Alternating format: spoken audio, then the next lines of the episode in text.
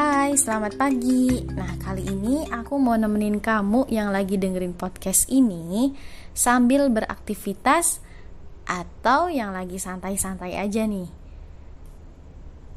Kamu pernah gak sih ngerasa gak baik-baik aja? Pasti pernah dong. Dan buat kamu yang sekarang lagi gak baik-baik aja, itu gak apa-apa, wajar. Kalau untuk selalu baik-baik aja kamu gak bisa, itu wajar kok. Itu menandakan bahwa kamu manusia biasa. Kamu punya emosi, kamu punya rasa. Sesekali diekspresikan juga nggak apa-apa daripada dipendam yang ada nggak baik. Pernah dengar nggak sih kata-kata ini? Emosi membuat saya kehilangan segalanya. Nah, salah satunya kendali atas diri sendiri.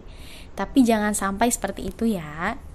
Menerima itu perlu dan harus karena setiap yang hadir dalam kehidupan kita ada yang bisa diterima, ada juga yang nggak bisa diterima.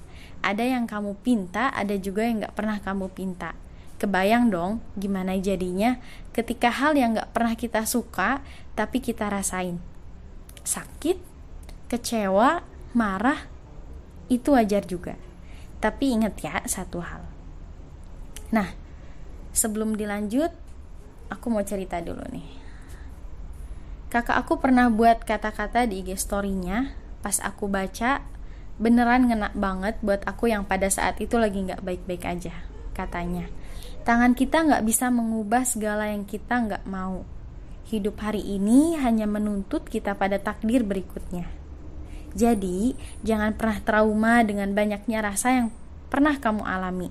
Kalau hidup esok hari nggak bisa semanis hari ini, ya nggak apa-apa, tetap harus dinikmati karena hakikatnya yang membuat kita bisa sampai pada tahap sehebat ini karena perjalanannya, bukan karena pencapaiannya. Soal pencapaian, sampai kapan pun memang tidak ada usainya, kecuali kamu sudah tidak hidup di dunia ini lagi. Jangan lupa terus semangat ya. Jangan terpuruk lama-lama, dunia menunggu kamu untuk kembali baik dunia sedang menyaksikan seberapa banyak lagi kehebatan yang akan kamu dapatkan dari kejutan-kejutan yang sudah Tuhan siapkan. Sekian, terima kasih.